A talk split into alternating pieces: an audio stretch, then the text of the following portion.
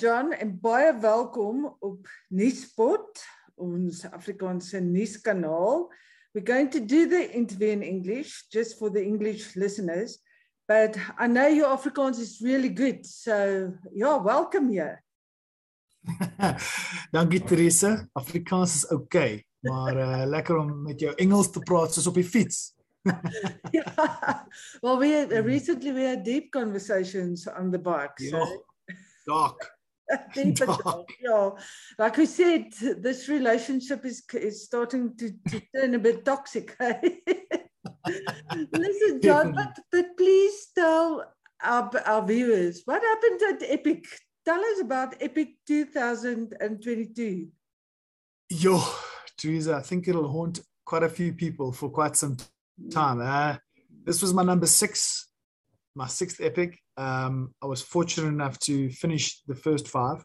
This is the first one that I didn't finish, and uh, I must say it's taken me it's quite some time to recover emotionally. It's quite a big hole because you know you you you it's a it's a big sacrifice, a lot of time. It's a lot of hours in the dark and away from the family, and puts pressure on everything and um, and so everyone around you knows that you're doing epic. So when you fail, you fail magnificently.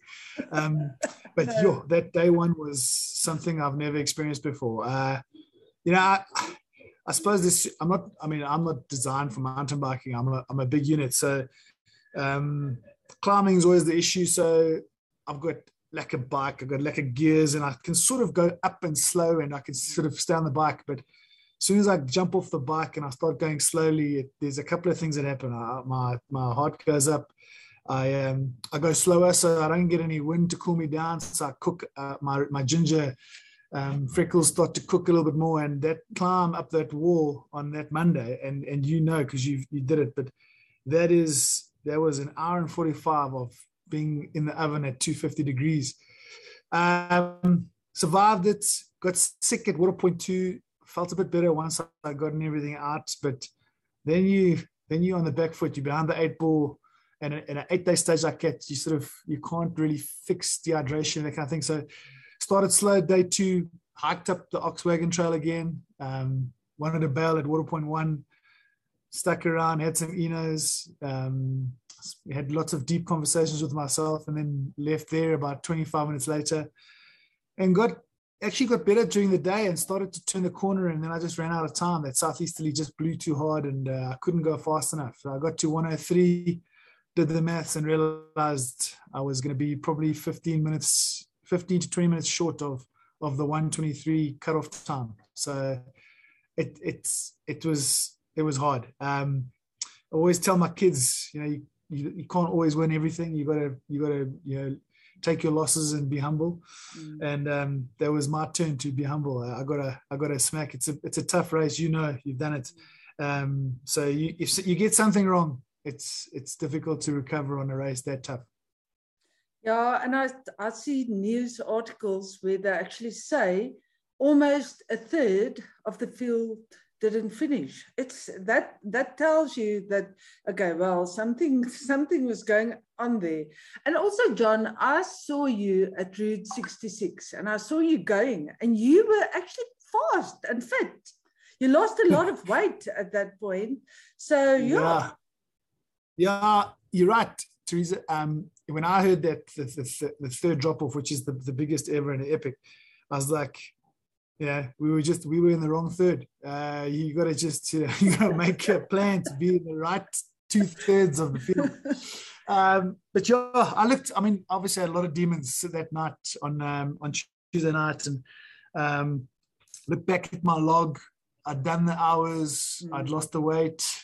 Um, but it's that's the beauty of this race. Eh? I mean, the the, the guy who started there, Kevin Vermaak, he came to me sort of, you know, worried that I'd be upset, and I was upset, but not at the race. I mean, we do this race because it tests us at every level. So yeah. It's it's tough. And if if if you get something wrong, I mean, I, we we had we went there with Barney's Army, our foundation, and we had twelve riders. Only seven ended up finishing.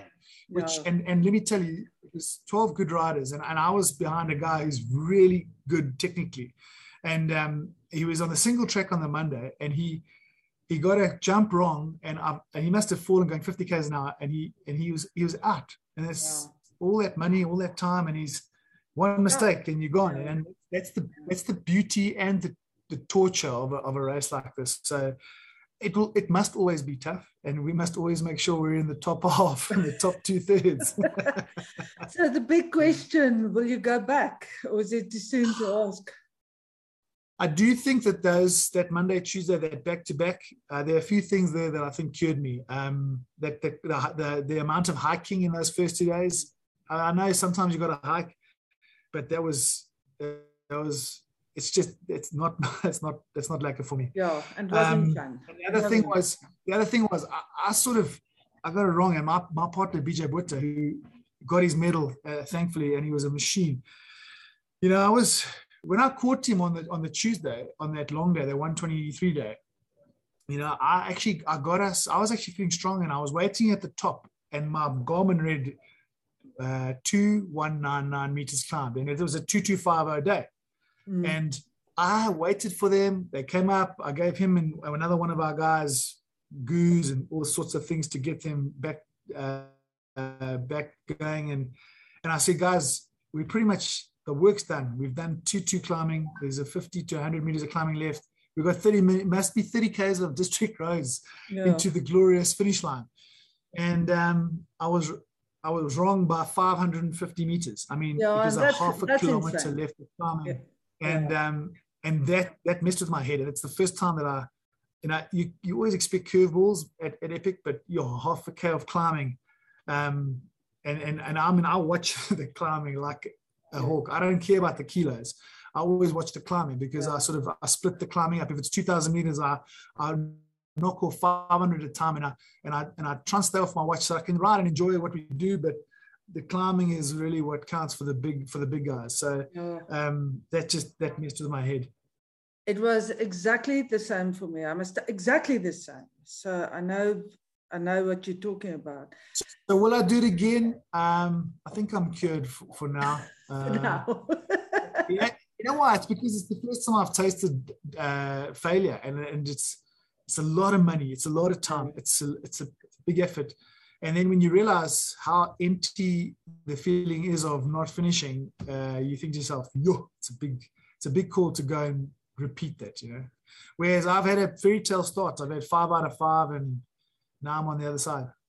Yeah, but you know what? If it's not reassurance, but there's a lot of people who didn't finish who would say, Yeah, but John Smit also didn't finish. And then they immediately feel better. So the yardstick, the yardstick should not be 120 kilogram front row, to be fair. but John, you just hmm. said um, you were doing it for your foundation. So please tell us about the foundation. What what's that all about? Uh, we started um, Barney's Army, I think, in 20, 2012. Uh, it was a, a, a, it was a game against the Sharks, and I, I chose a group of guys from around the world and and we had this game and we raised an incredible amount of money through the game and it, it, was hosted by the sharks and then a gala event in, in joburg and we did some amazing things we built a, a rugby field at the LIV Village in, in, in kzn um, yeah. We, we helped the Chris Burger Petra Jackson Fund. We helped Bobby Bear. These are the three charities that have really been the main focus of the foundation, and they're all sort of surrounded around kids and the game of rugby. Chris Burger, obviously, the Chris Burger Petra Jackson Fund looks after people who've been had spinal injuries from rugby, and Bobby Bear looks after sexually abused kids underage, and uh, and and obviously the Village brings homeless kids into a home and off the streets and gives them a mom and a purpose and a school, and so. Uh, it's been it's been super low key. Uh, I've done a, a, little bit here and there, and, and, I've tried to raise money through the odd golf day and through bringing guys together. Like we had 12 riders, and we had a you know you know part of two of our guys were from a, a company called GRC here in Centurion, and you know, they made a, a, big donation. And so everything that we're raising this year, and from from uh, from Epic and a, a, couple of golf days, is going to a, rural school here called Maribatle, and um, okay struggles with running water and electric, electricity, I guess, like the rest of the country, but it struggles massively. And when they lose water or electricity, they can't they can't accept the kids at school, and they've got a thousand five hundred kids that go there every day. So um, we, we're putting in a big focus to rebuild the kitchen, give them some solar powered geysers and running water, and and and uh, rebuild the field. But all of this takes money, so we're trying to accumulate a big enough pot in 2022 to to to make a big difference in the school. So it's not a massive foundation. You, you, obviously, I don't I don't throw it around, and mm-hmm. you know, but we I use it pretty much in my own little circle. We've got our own website. You can check us out and what we've done, barneysarmy.co.za. And um, ah, it's lekker, sort of, it's like to be able to help and use the profile that rugby gave me to, to some benefit.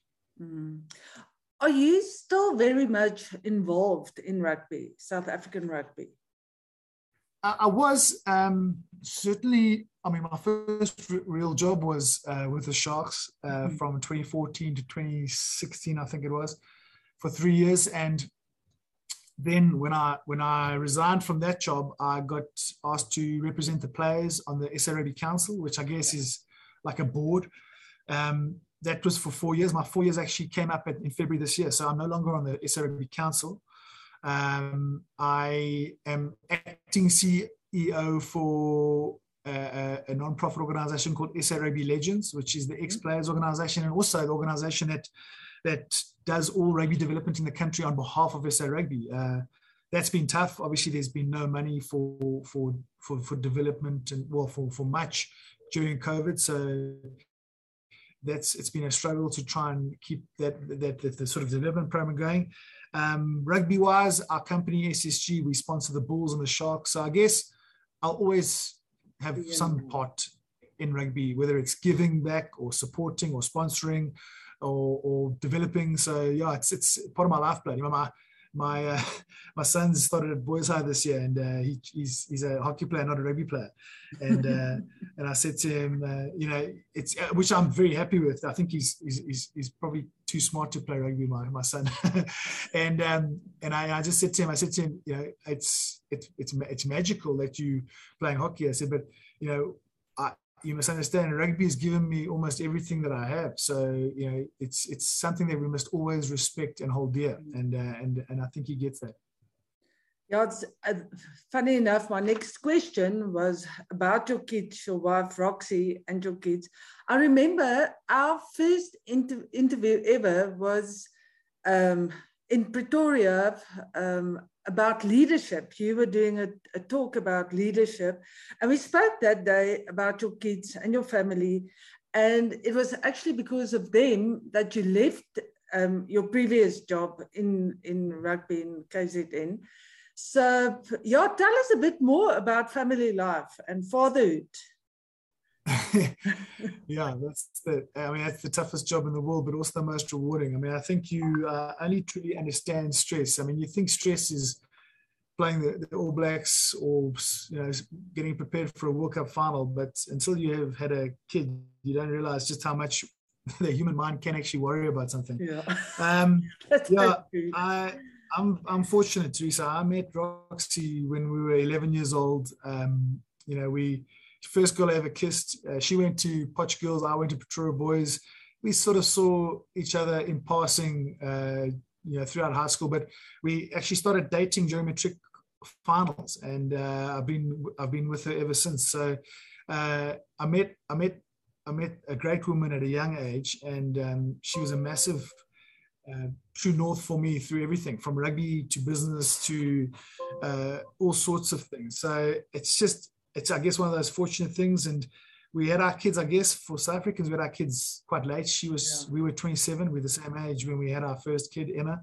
And, um, you know, I, I, was sort of in the prime of my career, and and it was only eight years, seven or eight years later that I retired, and I actually retired having had our third kid, Taylor. Um, Tyron was born the night before our Currie Cup, my only Currie Cup win in 2008 against the Bulls, and yeah. uh, and and he, you know, when I finished at Saracens, Taylor was nine days old. We got on a plane back to South Africa to start our new job with the Sharks in with a nine-day-old baby. So, um, yeah, we're we're a big crew, three kids, girl, boy, girl, um, and uh, I've I've got a, a, my eldest is is two and a half years away from finishing high school, uh, which makes me sound which makes me sound and feel very old. My son just started high school, and then I've got a, a, a laatlammetjie that's uh, grade three, and I think she'll keep us young forever. To be fair, so Roxy's also gotten back to the sort of corporate world. She's working for for a, for a company as a CFO for Richmark Holdings, and uh, and loving being back in work. She sacrificed a huge amount when I was playing rugby. She was a career woman, um, you know, a CA, and she gave that up to be a mom and allow me to do my thing and give our kids mm-hmm. as much time as possible with a dad that traveled a lot. So for her to be back at it and thriving in the business world is also a lucky to see. And we're blessed. Our kids are at, at, good schools and, and are doing well. And um, yeah, so yeah, it's it's that's the that is honestly the most rewarding part about um, when you finish rugby. You've got many things that help you transition out of out of the fairy tale world of sport into the real world. And um, a strong family unit is is the best is the best tool. John, and if there's one important lesson in life that you would like your kids to learn from you, what would that be? What if if you can? Uh, I, would love them to say that they learned it from me, but um, I'm not sure it's always the case. This week, definitely, um, but it'll it'll be humility. Um, and people always misunderstand humility for being timid. Um, I, I'd, I'd like my kids to be confident within themselves uh, and their identity and humid, humble enough to be able to listen more than they speak. My grand gave me wise words um, just before her deathbed. She said, uh, you know, God gave us two ears and one mouth and we must use them accordingly. And I mean, I think, especially men, but if we could all probably listen twice as much as we spoke, uh, I think we'd, we'd be better off on so many spheres. So I'd, I'd love my kids to, uh, to be quietly confident leaders of community that are humble and are able to, to listen to all walks of life. Uh, for me, I always measure, you know, people often introduce people as how well, how wealthy they are. And, and it's, it's got very little uh, relevance to me. I always want to know whether they're lekker or not. And um, you can tell that by whether or not they greet the guard at the gate or whether they only greet the CEO when they walk into the office. You know? and, and that's how you sort of measure uh, a person is, is, is, is not by the size of their bank account, but how much respect they've got for everyone from all spheres of life. Yeah. I remember that day at the leadership conference. You, we, or you spoke about leadership, and afterwards the interview was about leadership. And you said amazing stuff. I can remember word for word um, what you actually said. But I, I, let's talk about leadership. And according to you, what makes a good leader? Look, I think leadership is is many different things to many different people, and I think you get different types of leaders. Mm. Um, you get the bossy leaders that that lead from the front and tell everyone exactly what to do, and a lot of the time they get success initially early on. Mm. Um, the sustainability thereof sometimes is not always the case, but um, for me, I think leadership is the ability to is the ability to listen to the group, to understand the diverse sector of, of your of your group or your clients or your team or your staff. Mm-hmm. and uh, and to be able to push the right buttons for the different people because one button doesn't work for every single person. We've all got different likes fears hopes dreams and we all respond differently under pressure. We all respond differently under with joy. And so leadership is around um, having the, the, the understanding of, of listening and knowing your people before you make a calculated decision for the majority of the group. And sometimes it's difficult because that decision won't always suit the entire group, but you've got to have been able to have assessed the characters and the people and they and, and, and what makes them tick to be able to make a decision that suits the group and where the group's going or the team or the family unit. So um, for me, it's really a good a good leader is a good listener. And um, mm-hmm. and you can't be a good leader without listening because if you're not listening, you actually don't know who you're in charge of. Yeah, that's very true.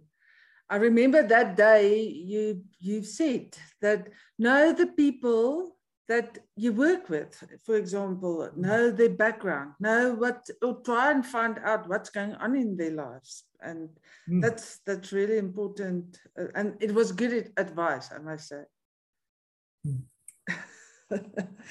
Listen, so, so the one question: Are you more of a cyclist these days than a rugby player? Well, I can tell you, I'm definitely not a rugby player anymore. I uh, I went to a, a, a, camp out with my son at, at the school, and uh, and I, and I sort of all the fathers and sons were missing, and my son and I were walking around, and we asked where everyone was, and they were playing touch at Brooksfield.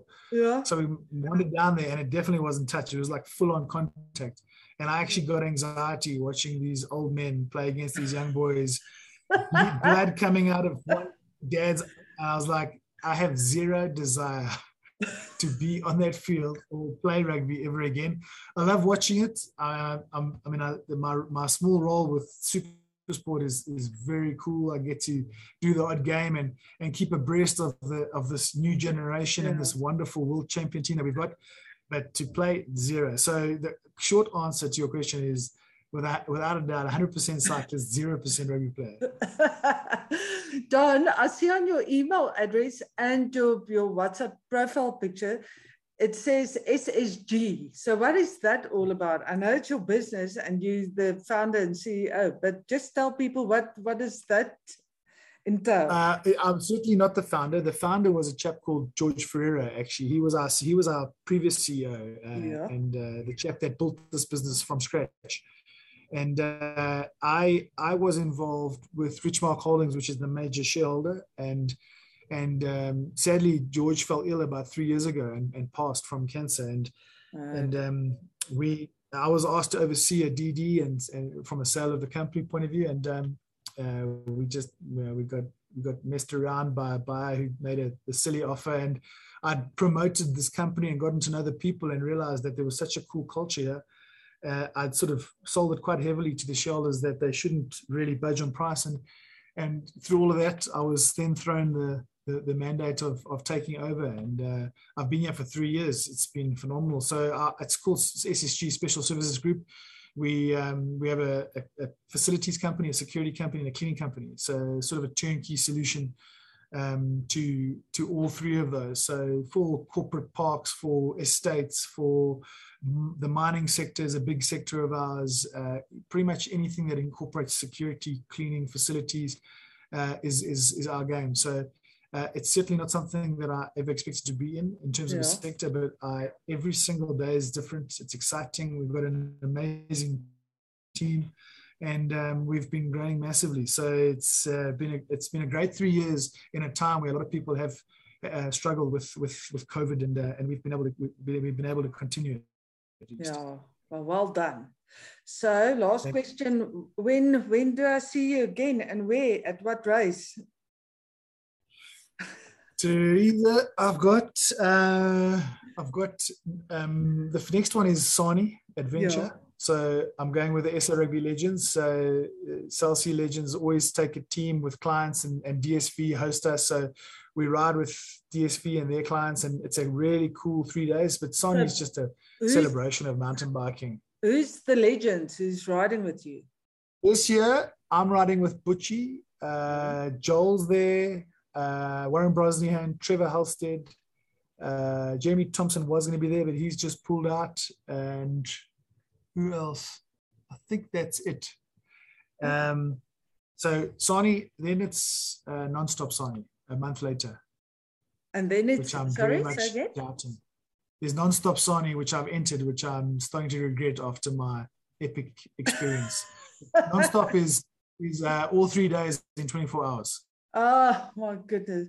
Listen, mm. you'll be just fine. And before you know, you'll be over the epic ordeal. I've, been, I've, been, I've been searching through the e-bike section. oh, come on, John. Nonsense. I know that. But listen, thank you so much. It's been, it's always great to chat to you. And you're, you, you're really such a Especially pleasure. So, now that it's not on a bicycle and we're not both suffering trying to make cut off, it's much easier. yeah, please, please. it is much easier. I must say, I also prefer that. So thanks a lot. And thanks for your time. Nice. Hope to see you soon.